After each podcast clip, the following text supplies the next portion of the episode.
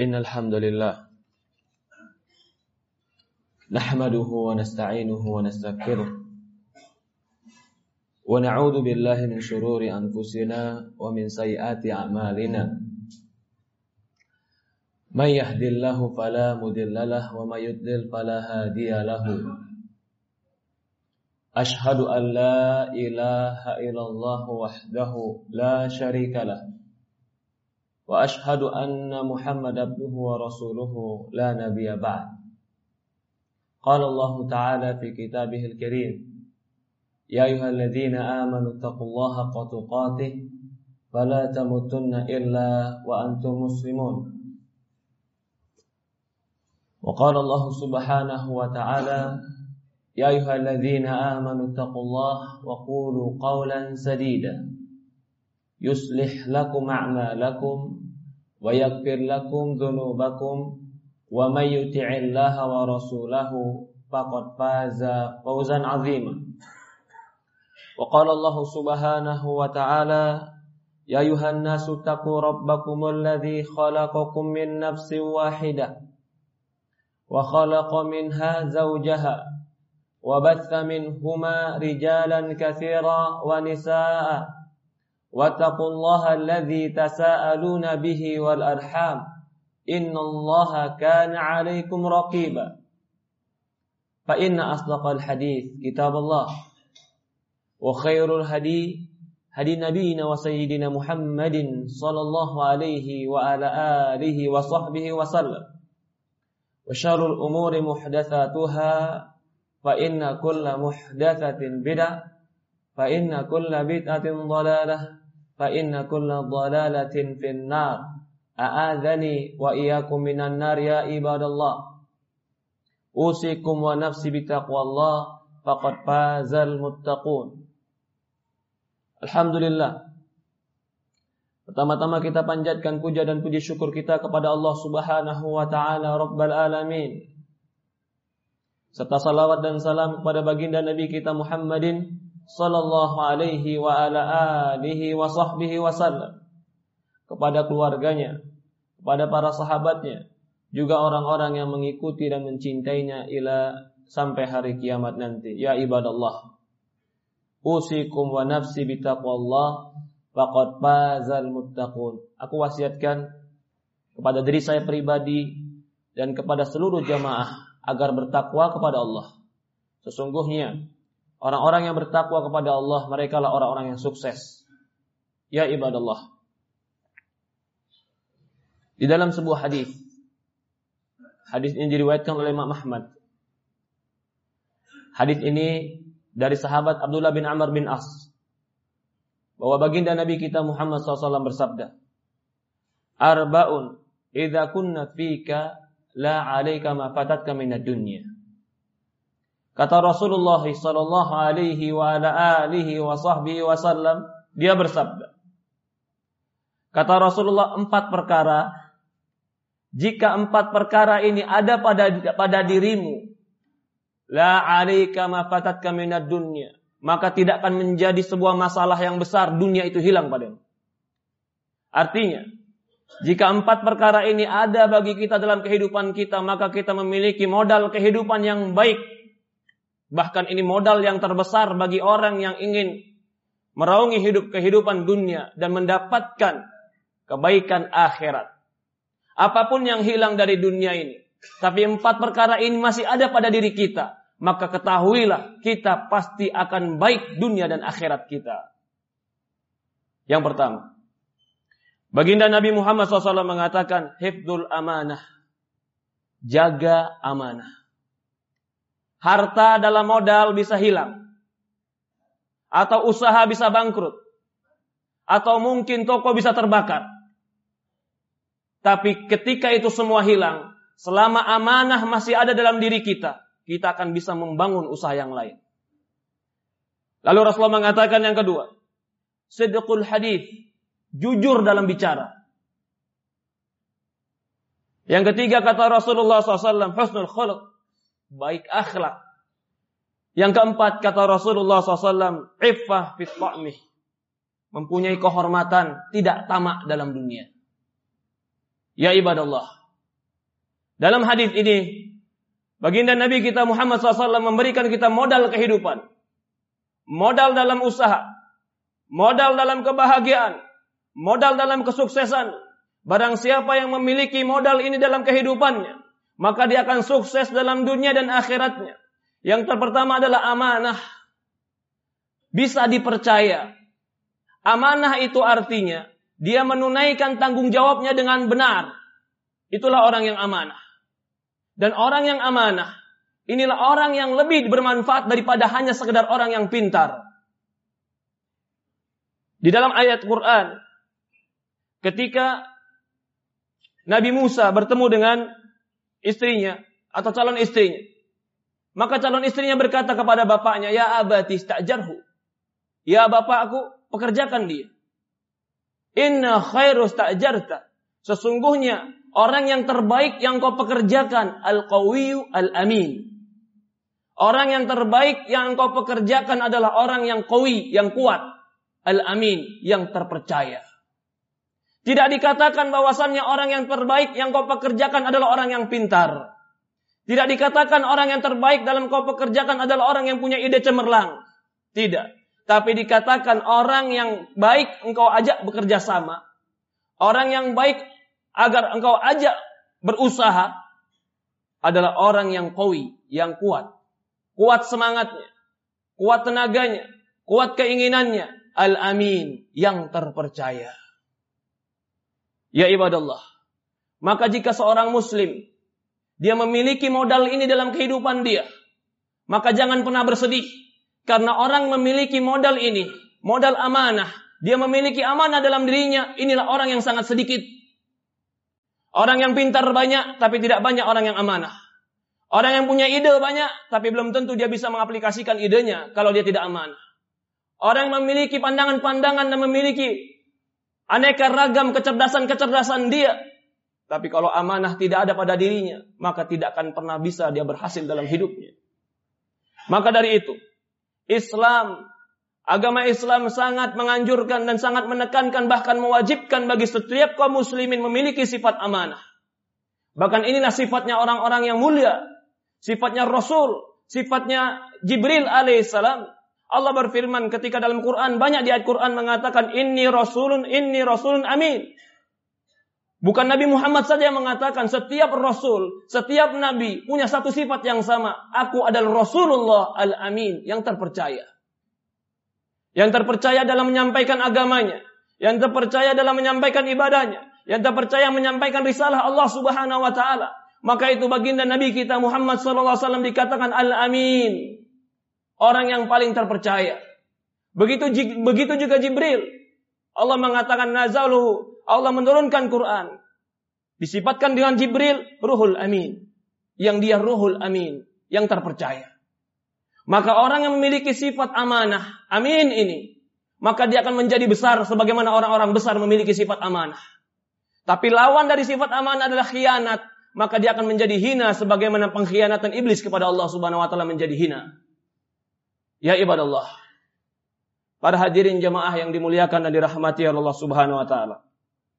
Allah berfirman dalam Al-Qur'an, "Ya ayyuhalladzina amanu la takhunu Allah wa rasul wa takhunu amanatikum wa antum ta'lamun. Kata Allah Subhanahu wa taala, wahai orang-orang yang beriman, jangan engkau mengkhianati Allah dan Rasulnya. Jangan engkau mengkhianati amanah yang ada pada dirimu. Wa antum ta'lamun dan kamu tahu bahwa itu amanah pada dirimu.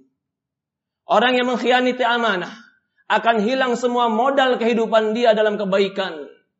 Walaupun dia memiliki ijazah yang banyak, walaupun dia memiliki harta yang banyak, tapi dia tidak memiliki amanah dan kejujuran, maka tidak akan ada yang pernah mau bersama dia untuk melakukan kebaikan-kebaikan dan mau melakukan usaha bersama. Karena modal amanah tidak ada pada dirinya. Perhatikan baginda Nabi kita Sayyidina Muhammad sallallahu alaihi wasallam. Khadijah. Khadijah wanita kaya Makkah. Yang sampai kekayaannya dikatakan kalau dinaikkan semua dagangan dia hampir-hampir puluhan onta yang bisa mengangkat dagangannya. Khadijah, wanita yang memiliki keturunan bangsawan Arab, yang semua bangsa Arab mengakui bahwa dia bahwasannya dia bangsawan Arab, wanita yang mulia. Wanita berharta. Hampir semua tokoh-tokoh bangsawan Arab ingin meminang Khadijah. Tapi Khadijah tidak mau. Khadijah cuma mencari seorang pemuda yang tadinya dia hanya seorang penggembala kambing. Seorang pemuda yang yatim, yang tidak punya bapak, yang dikatakan di Quran ail, yang tadinya dia miskin. Khadijah memberikan kepada Nabi kita Muhammad SAW, mengamanahkan kepada Nabi kita Muhammad SAW, perdagangan yang perdagangan itu dibawa ke negeri Syam. Inilah awal perkenalan Nabi kita Muhammad dan mengertinya Khadijah betapa mulianya baginda Nabi kita Muhammad SAW. Begitu barang ini dibawa oleh Nabi Muhammad SAW. Dibawa dengan beberapa ekor onta. Sampailah ke negeri Syam. Barang ini terjual seluruhnya. Kemudian Rasulullah SAW pulang membawa onta yang berlipat barang lebih banyak daripada yang dia bawa sebelumnya. Sampailah barang ini ke Mekah. Kagumlah Khadijah dengan baginda Nabi kita Muhammad SAW.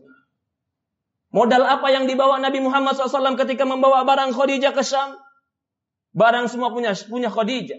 Onta punya Khadijah. Semua punya Khadijah. Yang dibawa baginda Nabi kita Muhammad cuma satu. Amanah. Ketika dibalikkan semua barang ini. Berlipat ganda barang ini balik.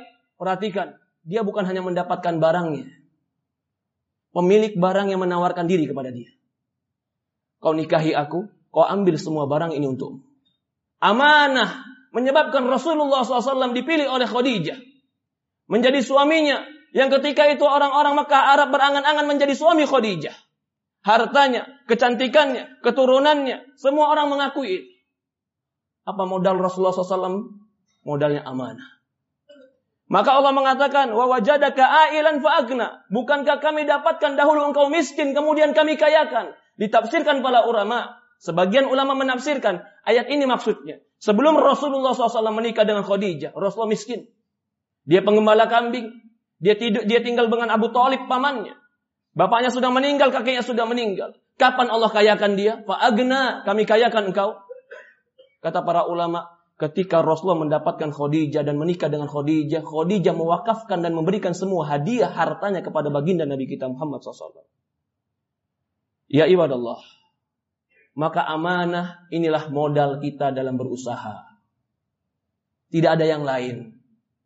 Betapa banyak orang yang tidak memiliki amanah sehingga ijazah-ijazahnya yang tinggi tidak bermanfaat. Betapa banyak orang yang memiliki amanah, memiliki koi, kekuatan dalam keinginan bekerja, memiliki kekuatan dalam berusaha, menjadi orang yang sukses baik dunianya dan baik akhirat. Perhatikan di Quran, Allah Subhanahu wa taala menceritakan tentang orang-orang yang berkhianat. Di antaranya adalah ketika Allah menceritakan tentang istrinya Nabi Nuh dan Nabi Lut alaihissalam. Daraballahu mathalan mathalul ladzina kafaru imra'atan Nuh imra'atan Lut. Wa kana tahta 'abdayn min ibadina salihain fakhanatahuma falam yughni anhuma min Allah syai'a wa nar ma'a dakhilin. Kata Allah Subhanahu wa taala, Allah mem Allah memperumpamakan daraballahu mathalan lil ladzina kafaru bagi orang-orang yang kafir dua perempuan Imra'atun Nuh wa imra'atun Lut. Yang pertama perempuan istrinya Nuh dan kedua istrinya Lut. Wa kanata tahta abdaini min ibadina salihin, salihain. Dua perempuan ini dulu di bawah hamba-hamba kami yang soleh. Apa sifat dua perempuan ini? Fakhanatahuma. Mengkhianati Nuh dan Lut. Apa sebabnya gara-gara mereka mengkhianati? Apa yang Allah berikan pada mereka? Fakilat khulan ma'adakhilin. Maka dikatakan pada mereka berdua ini, masuklah kalian neraka gara-gara apa yang kalian lakukan. Kata para ulama menjelaskan, apa yang dimaksudkan dengan khianatnya istrinya Nuh dan khianatnya istrinya Lut. Maksudnya para ulama mengatakan dia berkhianat dalam perkara agama. Bahwasannya dia mengkhianati Nuh, Nuh dan Lut dalam agamanya. Ya ibadallah. Jika kita berbicara amanah, maka pada hakikatnya amanah itu beraneka ragam dan amanah itu sangat banyak. Jika kita bekerja dengan orang, bekerja sama dengan orang, itu amanah dengan dia. Tapi tahukah kita, ada amanah yang terbesar dan sangat besar yang Allah berikan kepada kita. Amanah besar ini adalah amanah kita menghambakan diri kepada Allah. Itu amanah yang Allah berikan kepada manusia. Siapa pun mereka yang berstatus manusia punya sebuah amanah dan tanggung jawab. Tanggung jawabnya adalah dia harus beribadah kepada Allah. Ketika dia tidak mau beribadah kepada Allah, dia bermaksiat kepada Allah, dia melanggar perintah Allah, bahkan dia melakukan yang haram, itulah pengkhianatan kepada amanah ini. Wa ma khalaqtul jinna wal insa illa liya'budun. Kata Allah Subhanahu wa taala, tidak kuciptakan jin dan manusia kecuali agar mereka beribadah kepadaku. Dalam Al-Qur'an Allah Subhanahu wa taala berfirman, ketika Allah a'rad, ketika Allah nampakkan amanah ini ala samawati wal ard, Allah nampakkan amanah ini kepada langit, kepada bumi. Fa'abaina. Mereka tidak mau memikulnya. Fahamah hal insan. Lalu manusia memikul amanah ini. Innal insana kana zaluman jahula. Manusia itu sangat zalim dan jahil. Ketika mereka mau memikul amanah ini, mereka telah memikul amanah ini tapi mereka tidak menunaikan amanah ini. Allah katakan zaluman jahula. Mereka zalim dan mereka jahil amanah dari Allah kepada kita, kita menghambakan diri pada dia. Amanah dari Allah kepada kita satu hari kita sholat kepada dia. Lima waktu. Amanah kepada Allah kita mengucapkan la ilaha illallah dan tidak menyekutukan Allah. Amanah dari Allah kepada kita agar kita menghambakan diri dan mempersiapkan kehidupan akhirat. Orang yang melupakan amanah ini, maka dia telah lupa tugas hakikat dia hidup di dunia. Dan itulah orang yang berkhianat kepada Allah Subhanahu wa taala. Barakallahu wa lakum fil Qur'anil Karim wa nafa'ani wa iyyakum bima fihi minal ayati wa dzikril hakim wa taqabbalallahu minni wa minkum tilawatuh wastaghfiruh innahu huwal ghafurur rahim.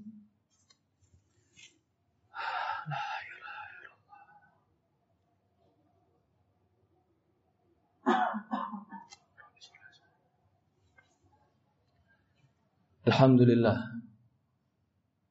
Wassalatu wassalamu ala Sayyidina Muhammadin sallallahu alaihi wasallam. Ya ibadallah. Para hadirin jamaah salat Jumat yang dimuliakan dan dirahmati oleh Allah Subhanahu wa taala.